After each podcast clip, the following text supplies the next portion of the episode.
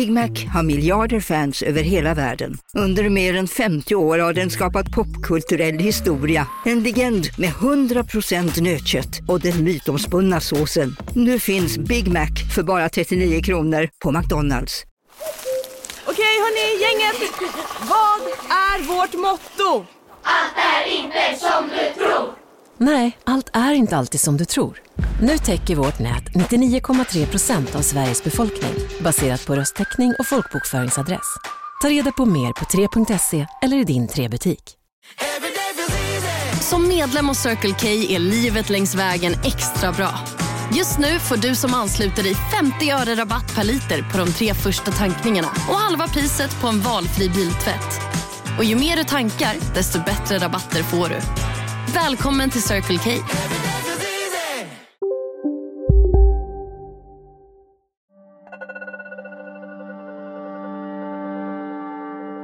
Den upphittade strumpan i förra avsnittet hittas i ett närliggande skogsområde öster om Ågotsbron.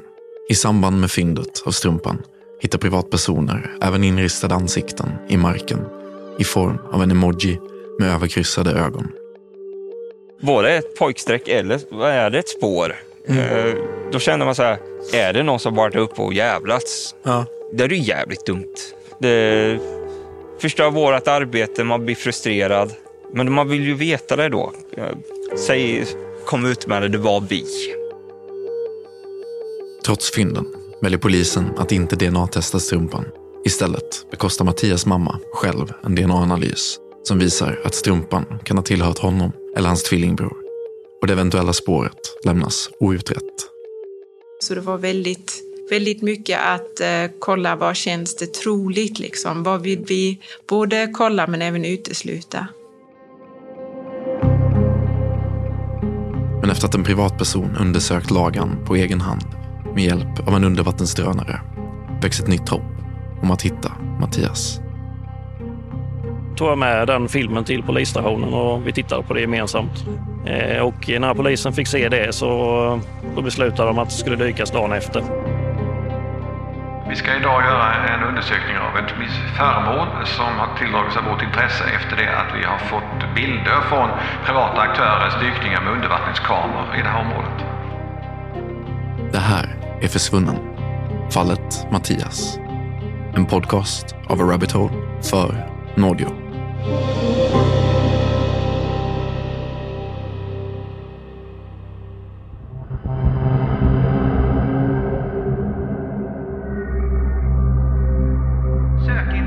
efter den försvunne pojken från Ljungby pausas.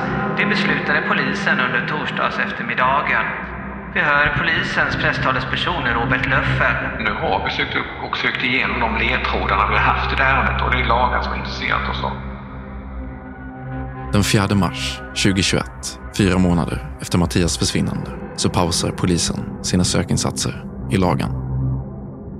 Parallellt med sökarbetet har det pågått en förundersökning om människorov.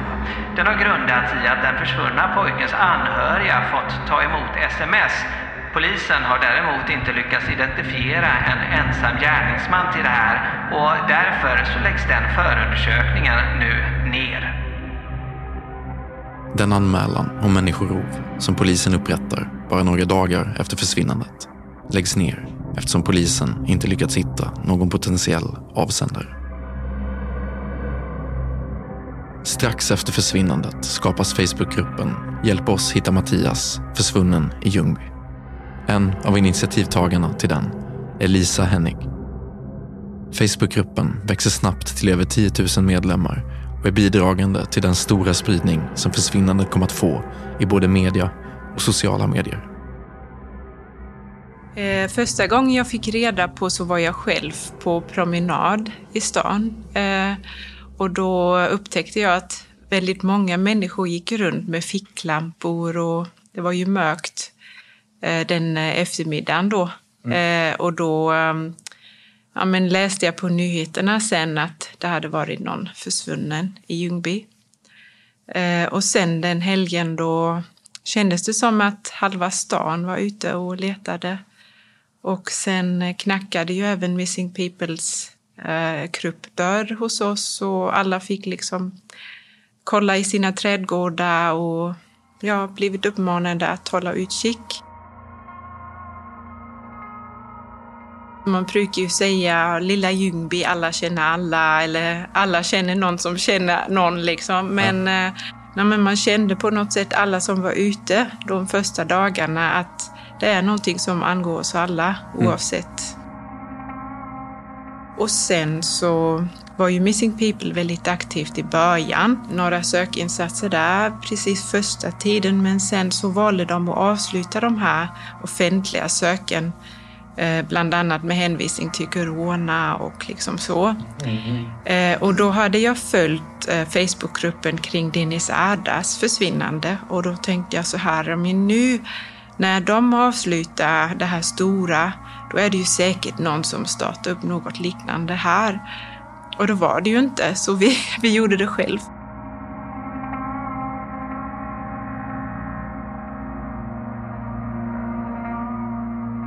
Lisa och vännen bakom Facebookgruppen startar en insamling för Mattias anhöriga med målet att samla in 25 000 kronor. Redan ett dygn efter starten har välvilliga personer runt om i hela landet donerat pengar till ett värde av 40 000 kronor.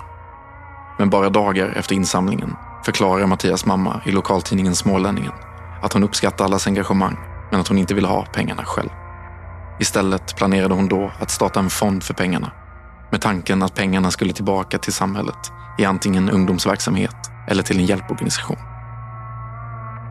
Ja, men den växte ju superfort. Liksom. Alltså, vi var ju snabbt uppe i 10 000 till några veckor eller någonting Oj. sånt. Eh, och det var ju en stor del som vi också jobbade med sen, att sprida informationen. Det handlade ju inte bara om göra saker, utan alla skulle sprida informationen eh, i hela Sverige och även utomlands. Så vi hade ju de som översatte den här efterlysningen till exempel och mm. så fick man dela den på olika språk och liksom så. Så det mm. var en stor del av det.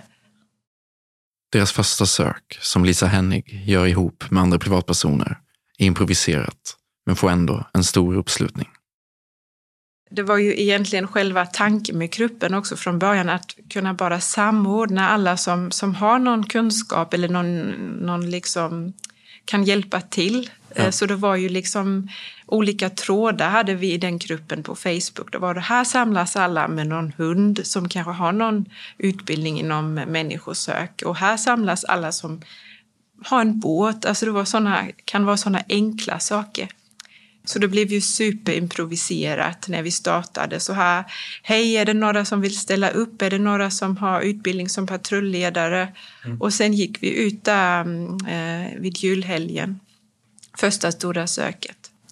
Och eh, när ni väl började göra era egna sökningar, vad gick ni på då? Det var allt möjligt faktiskt. Eh, det första var ju att vi tänkte att ja, man kanske kan få hjälp av organisationerna som har varit ute innan och liksom någon, få någon hänvisning. Ja, men där kanske är intressant eller där kan ni ju fortsätta. Och då var det ju mer eller mindre att vi fick så här, ja men bostäderna är ju inte kollade, alltså så här att man kollar med stora hyresvärdar eller företag om de ens har kollat sina byggnader. Mm. För då trodde man ju mycket på att han, han kanske hade gömt sig eller liksom så. Eller att han kan vara inomhus någonstans. Mm. Och då var det ett tiotal personer som bara ringde runt hela dagarna till alla som ägde någon fastighet. Mm. Och sen just när det gäller terräng eh, sök, då hade vi ju våra patrulledare som ställde upp. En del hade erfarenhet från organisationerna sen innan, en del hade någon utbildning inom det och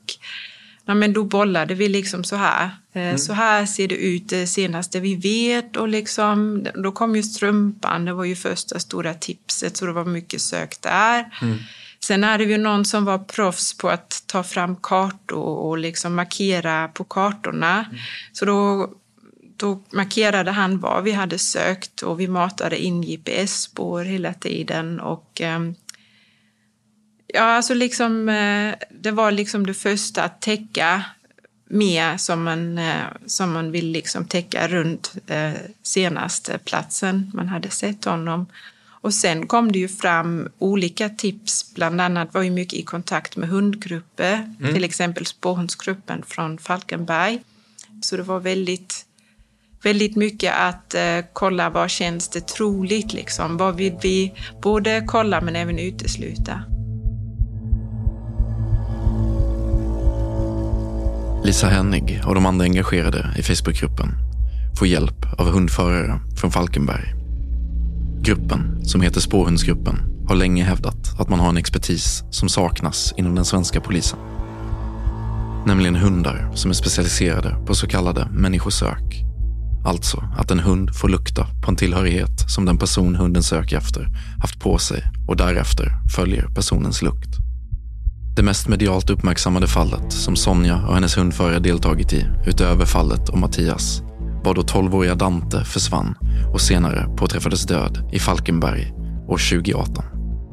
Enligt artiklar i flera medier så var det Sonjas sökningar som till slut kunde ge 12-åringens familj en detaljerad beskrivning av pojkens sista timmar i livet. Sonja och spårensgruppen kom att få mycket utrymme i media, även vid Mattias försvinnande. Sonja markerar nämligen aldrig vid lagan utan leder spårhundsgruppen åt ett helt annat håll än vad polisen har bestämt sig för. Polisen kan ha letat på fel ställe när det handlar om sökandet efter den försvunne pojken i Ljungby. Det menar Gerd Andersson som är hundförare och initiativtagare till den ideella organisationen Spårhundsgruppen. Jag utesluter att han har gått från smalspåret och rakt ner till Replussabron och slängt eller ramlat i där. Och sen det jag säger att de kan ha letat på fel ställe, det grundar jag på att när vi spårar från smalspåret då viker våran hund Sonja.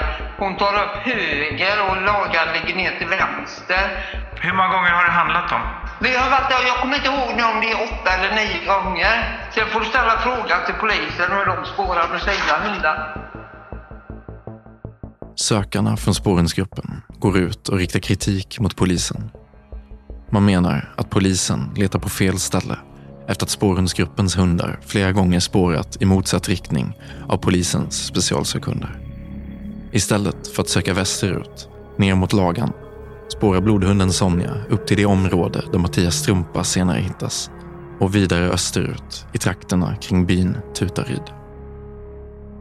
Jerker Lavesson, chef för nationella polishundstjänsten, ifrågasatte tidigt den förmåga som spårhundsgruppen ansåg sig att ha. Jag kontaktade honom för att förstå polisens kritik av blodhunden Sonja. Man ska väl egentligen ta det här från början då. Den, eh, den här spårgruppen då, de eh, har ju under eh, en tid hävdat att de har en ID-spårhund då som via att kunna lukta på en på något föremål som ja, exempelvis du eller jag har haft i, på oss eller ja, någonstans vidrört då att hunden genom det då skulle kunna plocka upp rätt spår i förhållande till en mängd andra spår inne i tätort eller var som helst så skulle den kunna selektera ut och följa där du eller jag har gått om den får lukta på ett föremål. Eh, och den där förmågan är ingen förmåga som svensk polis har och eh, då sa vi det att finns den förmågan då ska vi naturligtvis nyttja den förmågan för det kanske skulle kunna hjälpt oss i, i något enskilt fall mm. eller i flera fall, vad vet jag. Ja.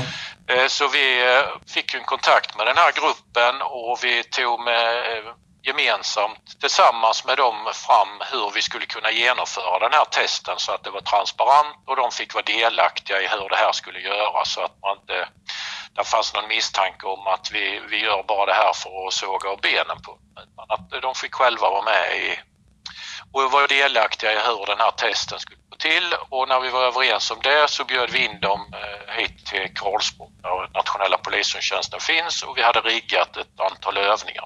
Och tyvärr då så visade det sig att eh, den förmågan som de påstår sig ha den hade de inte. Därmed så är fallet avskrivet för av mm. vår räkning så att säga. Det var inte en, en resurs som vi hade någon användning av. Jerker Lavesson förklarar att man efter dialog med spårhundsgruppen blev nyfikna på om den svenska polisen faktiskt kunde ha användning av deras typ av spårhundar. I samråd med spårhundsgruppen bestämmer sig polisen för att testa hundarna för att se om de lever upp till polisens krav.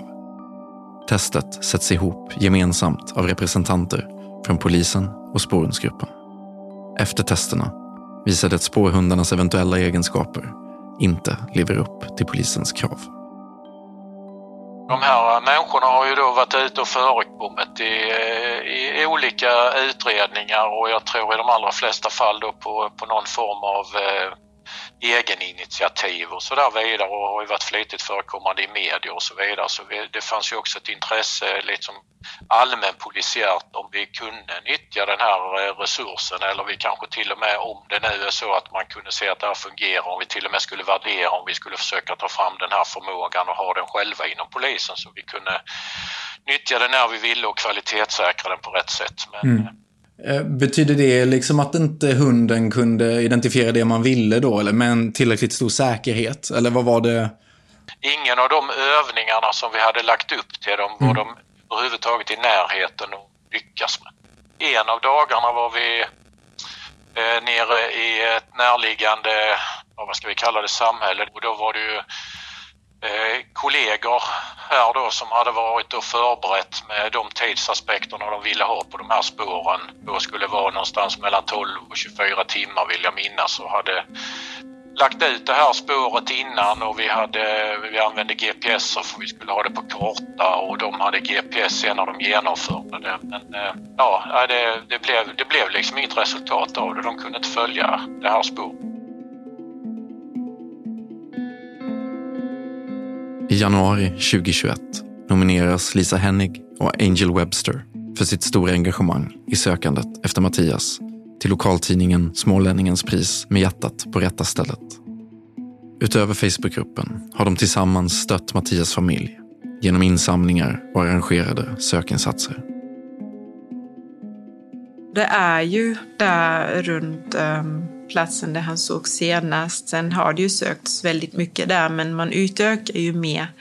Och det är ju mycket mot skogen och kanske strumpan och sen där hundgruppen har varit mycket och kanske hittat olika spår så har man ju lagt mycket mer fokus där än på andra områden. Det är klart, för man kan ju absolut inte släcka alla områden och kolla liksom, utan det är där vi har lagt fokus. Eh, för vi har ju mycket hoppats på liksom andra saker som leder oss till kanske klädesplagg eller föremål letar man ju också efter. Så det, det krävs ju att man är väldigt eh, grundlig liksom i sitt sök för att inte missa någonting. Nu på Storytel.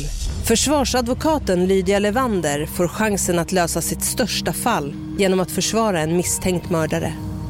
Hur långt är hon och kollegorna på advokatbyrån Pegasus beredda att gå? Fallet Mikaela. En ny deckare från succéförfattaren Anna Bågstam. Lyssna nu på Storytel.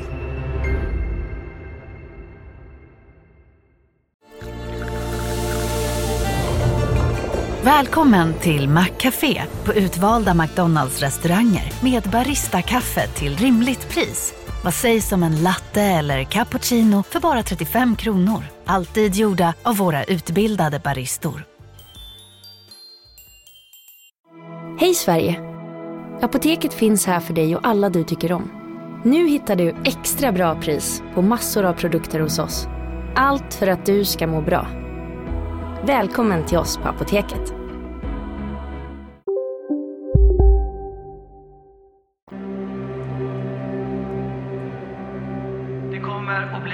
Nya dyk i ån Lagan i sökarbetet efter den unge man som försvann i Ljungby i början av december förra året. Så här säger polisens presstalesperson Robert Löffel.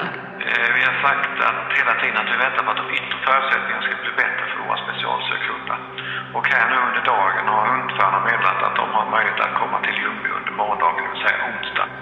De kommer söka i ån Lagan med utgångsläge från Replösa brott. Den 18 maj 2021 meddelar polisen att man är redo att återuppta sökningarna efter Mattias eftersom väderförhållandena har blivit bättre. Redan dagen efter, den 19 maj, planeras sökningar med minst två specialsekunder. Ni har ju fått en del kritik för att ni varit så inriktade på just ån Lagan. Kan det bli så att ni även söker i andra områden? Vi har inga andra starkare ledtrådar för närvarande. En person som ägnat stor tid till att söka igenom lagan efter spår är Fredrik Estberg. Efter att ha slagits av nyheten om Mattias försvinnande kom Fredriks nyfunna hobby att bli ett stort hjälpmedel i de fortsatta privata sökinsatserna. Eh, jag kände att det hade varit kul att kunna hjälpa till på något sätt. Mm. Och då hade jag precis börjat intressera mig för undervattensdrönare och sånt och såg att eh, genom tidningar och sånt att eh, det hade använts lite sånt här vid i initialt skede. Då. Fredrik påbörjade sina sökningar cirka en vecka efter försvinnandet. Till en början valde han att hålla en låg profil och genomförde sina sökningar med drönare på egen hand eftersom han inte var ute efter någon uppmärksamhet. Hans, liksom alla sökandes fokus, låg vid att hitta Mattias. I januari tror jag det var, så introducerades jag av Lisa faktiskt för eh, en släkting till Mattias. Mm. Och då började vi köra, han ville följa med mig helt enkelt när jag var ute och körde. Ja. Och ja, vi försökte vara så anonyma det gick, både för hans skull och, och min egen också. Jag vill inte ha någon uppståndelse så när jag har kört. Med sin undervattensdrönare har Fredrik sökt av ett område som sträcker sig upp mot en kilometer. Från en flytbrygga cirka 50 meter söder om Replösabron till ett område strax norr om riksväg 25. Det största fokuset i sökningarna har dock legat kring Replösabron eftersom det är där polisens specialsekunder markerat.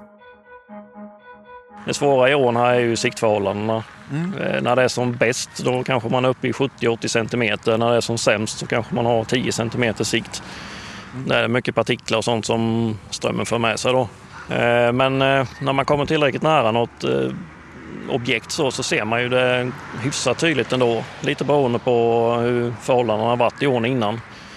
Och eh, det är väldigt svårt att köra drönare för om man kör framåt så rätt vad det så kommer ett stort stenblock och då hinner man liksom inte stanna innan maskinen är i det i stort sett. Okay. Så det är väldigt mycket att ligga och parera och både det samtidigt som strömmen då. Och mycket träd och sånt ligger det på botten med. Mm. Så det, det är utmanande att köra helt klart. Och när du kör, kör du liksom i ett mönster så här fram och tillbaka eller vad, hur gör, tänker man när man är? Ja, jag försöker göra det men sen så har jag ju även gått på indikationer som man har fått från eh, polisens dykningar och deras hundar och även eh, om man har fått tips att eh, ja, någon kanske har tyckt sig se någonting i vattnet och sådär. Då har man fokuserat på det i första hand. Men eh, i det stora hela så har man ju försökt att köra av så stora ytor som möjligt. Mm. Och leta efter sånt som eh, sticker ut. Om man säger om det bara är en slät sandbotten så är det inte så troligt att man hittar något där. Utan det är ju där det är mycket träd, stenar. Eh, ja, det här ligger ju allting möjligt. Cyklar och man har sett eh, mycket konstiga saker. Ja, vad typ?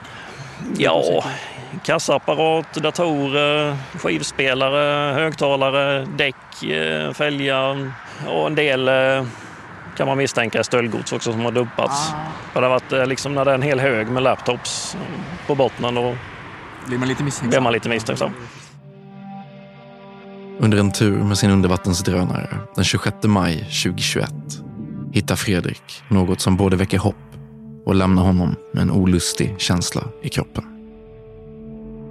Det var ju egentligen på våren där vid efter försvinnandet som, eh, som vi började hitta lite intressanta saker. Mm. Och det var ju precis nedanför bron här, kanske 5-6 meter. Så eh, såg jag någonting som kunde se ut som ett byxben och eh, att man såg knät eh, så i böjd formation. Då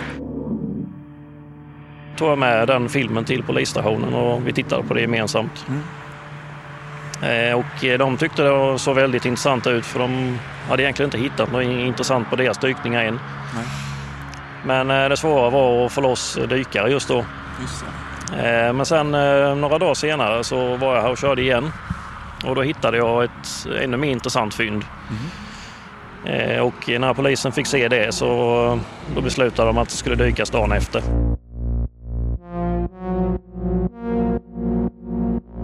Polisen har kallat på dykare från Kustbevakningen för att undersöka ett oidentifierat föremål i ån Lagan i Ljungby under torsdagen.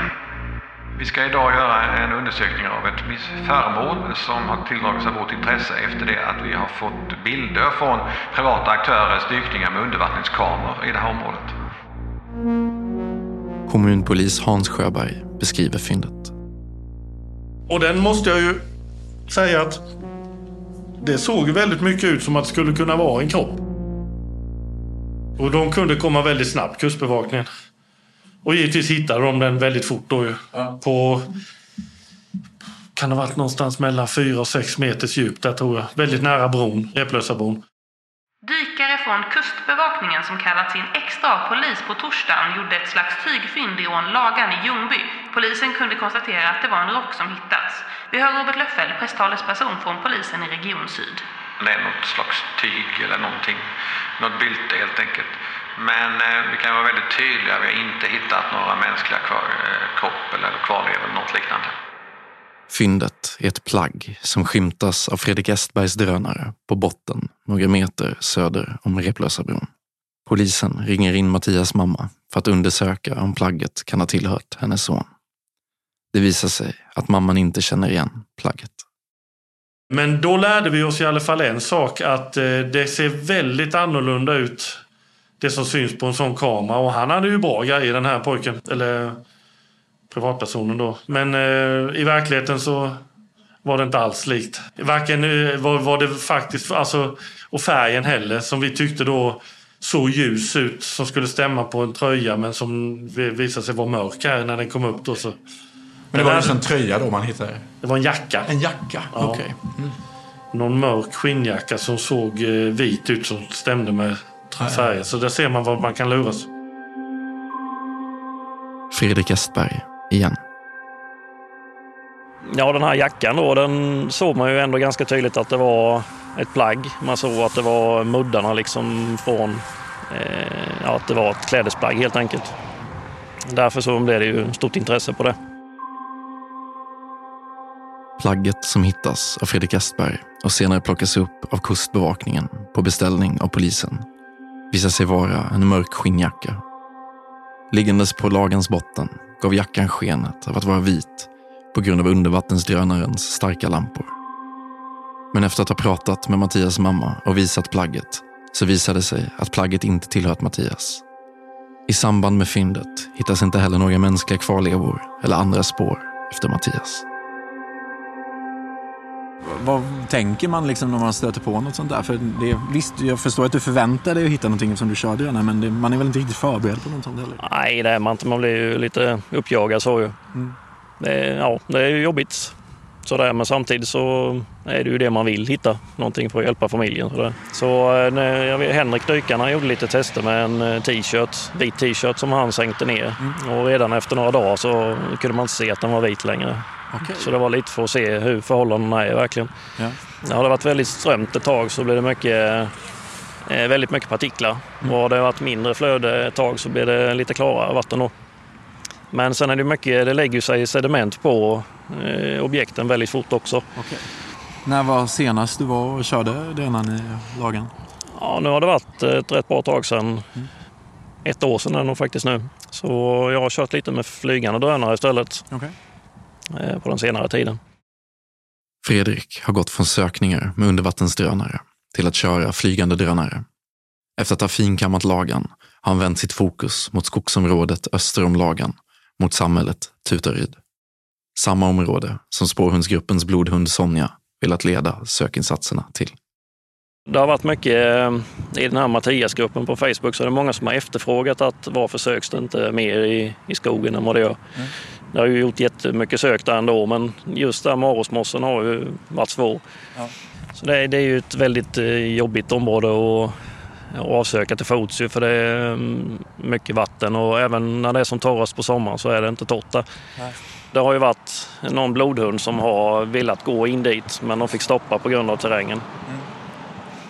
Så då tänkte jag att då kan jag försöka hjälpa till där lite. Sen är det lite för att jag blev eh, allvarligt sjuk i förra våren. Okay. Så jag har inte kunnat och, ja, hålla på med fysisk aktivitet överhuvudtaget under en lång period. Nej. Så då började jag lite lugnare med flygande drönare. I vattnet har jag lagt eh, runt 200 timmar. Eh, och med flygande drönare så, ja, ska jag tippa på. Jag har inte hunnit köra jättemycket men eh, 15-20 timmar kanske. På måndag har det gått fyra månader sedan 17-åringen i Ljungby, numera 18-åringen, försvann. För att uppmärksamma det anordnas en ljusmanifestation vid Bananbron i Ljungby på måndag mellan klockan 1 och 5. Första manifestationen som vi gjorde, då tänkte vi ju liksom att vi vill ge alla en plats och, och minnas eh, honom och liksom kunna tänka lite på det och tända ljus. Och det var ju, blev ju så mycket större. Lisa är initiativtagare till den ljusmanifestation som hölls fyra månader på dagen efter Mattias försvinnande. Manifestationerna anordnades vid den så kallade Bananbron, som den kallas av Ljungbyborna på grund av sin gula, böjda dekor. Det riktiga namnet är Tomtebobron, som ligger söder om Årgårdsbron. När vi planerade den hade vi ett sök helgen innan och då tänkte vi men nu planerar vi här en massa och det kanske inte ens behövs för att vi kanske hittar honom innan. Och I början var det verkligen att man tänkte med varje sök att nu avslutas det.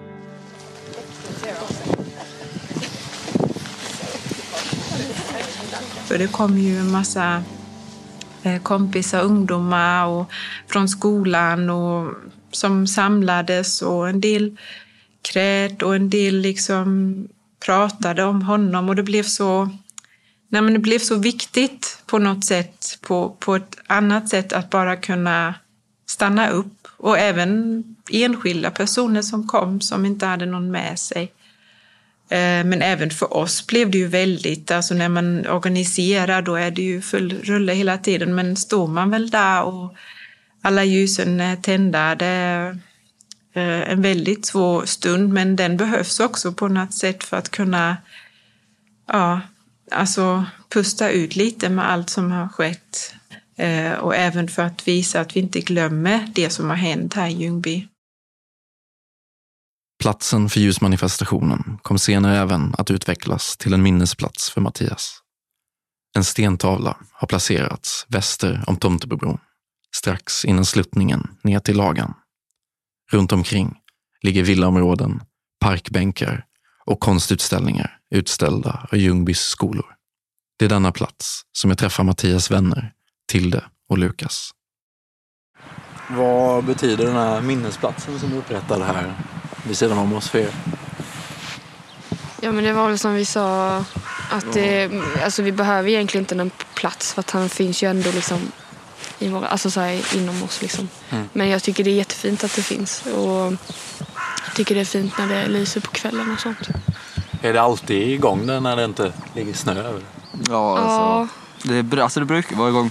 Ja. Så att det brukar faktiskt vara. Men det är också, alltså det är en väldigt, man märker liksom att ändå Ljungby på något sätt stöttar, Mm. stöttar den.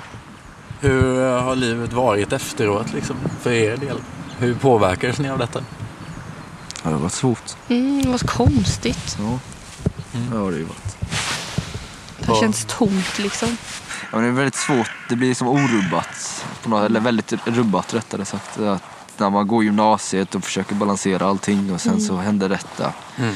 Blir det väldigt, väldigt svårt att balansera allting helt plötsligt. Då blir det Mm. rätt mycket obalans och det spelar ingen roll vad man gör riktigt då. Det går inte liksom balansera upp den här vågen. Att inte göra. Särskilt, jag gick ju teknik, det är en rätt intensiv, eh, Mm. eh, Ja. intensiv linje. Så det blir ju ännu svårare att eh, hänga med där och, och så. Hur känns det liksom att det inte har, det har ju inte blivit något svar på någonting? Hur, hur känner man när man har stått honom så pass nära så länge och inte kunnat få veta någonting? Jo men det är väl lite så här, så här sårsko, skåpa som inte Ja. riktigt stängs någon gång. Mm. Det, är som det lät ju, alltså det- med tiden så blir ju allt såklart lite mer acceptabelt om man kan säga det så. Det blir lite Men lättare. Ja, men det blir ju fortfarande inte alltså, riktigt klart. Helt läkt liksom. Nej. Umgås ni allihopa fortfarande? Ja. ja. Hur ofta dyker det upp i tankarna liksom? Alltså jag skulle nog säga att jag kan tänka på det dagligen eller så. Mm. Bara, bara lite, alltså lite så. Mm. Vad, vad har hänt och vad är han och lite så. Sådana tankar kan man få. Nej, jag, jag försöker ju att ändå hålla mig till vardagen liksom. Men ja, det är klart det dyker väl upp ibland. Lite tankas. Hur man blickar fram för något sånt här? Hur tar man sig förbi det? Ja, Mm. tid antar jag. Mm. Det är väl så. Tiden läker väl alla sår som uttrycket går. Men eh, jag vet. Det är väl, alltså, livet fortsätter ju. Du kan ju inte bara stoppa allting. Mm. Så att man inte kan, man har väl inget val utan att fortsätta leva liksom. Anders Läkt är numera pensionerad men var under sina verksamma år inom polisen en av de poliser som under 90-talet utvecklade det tillvägagångssätt som den svenska polisen än idag använder vid sökande efter försvunna personer. Man har varit aktiv, man har varit runt, man har fångat upp vittnen mycket tidigt där på, på natten, som, de som fanns. Och där finns det ju ytterligare en liten pusselbit och det är avsaknad av vittnen eller iakttagelser när du egentligen borde ha haft det. Det är ju också en faktor att räkna med. Ser, här kommer en kille i strumplästen utan jacka mitt i natten. Om, han, om någon hade sett honom borde de inte ha reagerat då? Jo. För att det sticker ut? Ja, det sticker ut. Men vi har inga sådana. Du har lyssnat på Försvunnen, fallet Mattias. En podcast av A Rabbit Hole för Nordio. Jag heter Alessandro Nilsson. Producent Robin Johansson. Exekutiv producent A Rabbit Hole Maria Thulin. Exekutiv producent Nordio Mark Malmström Fast.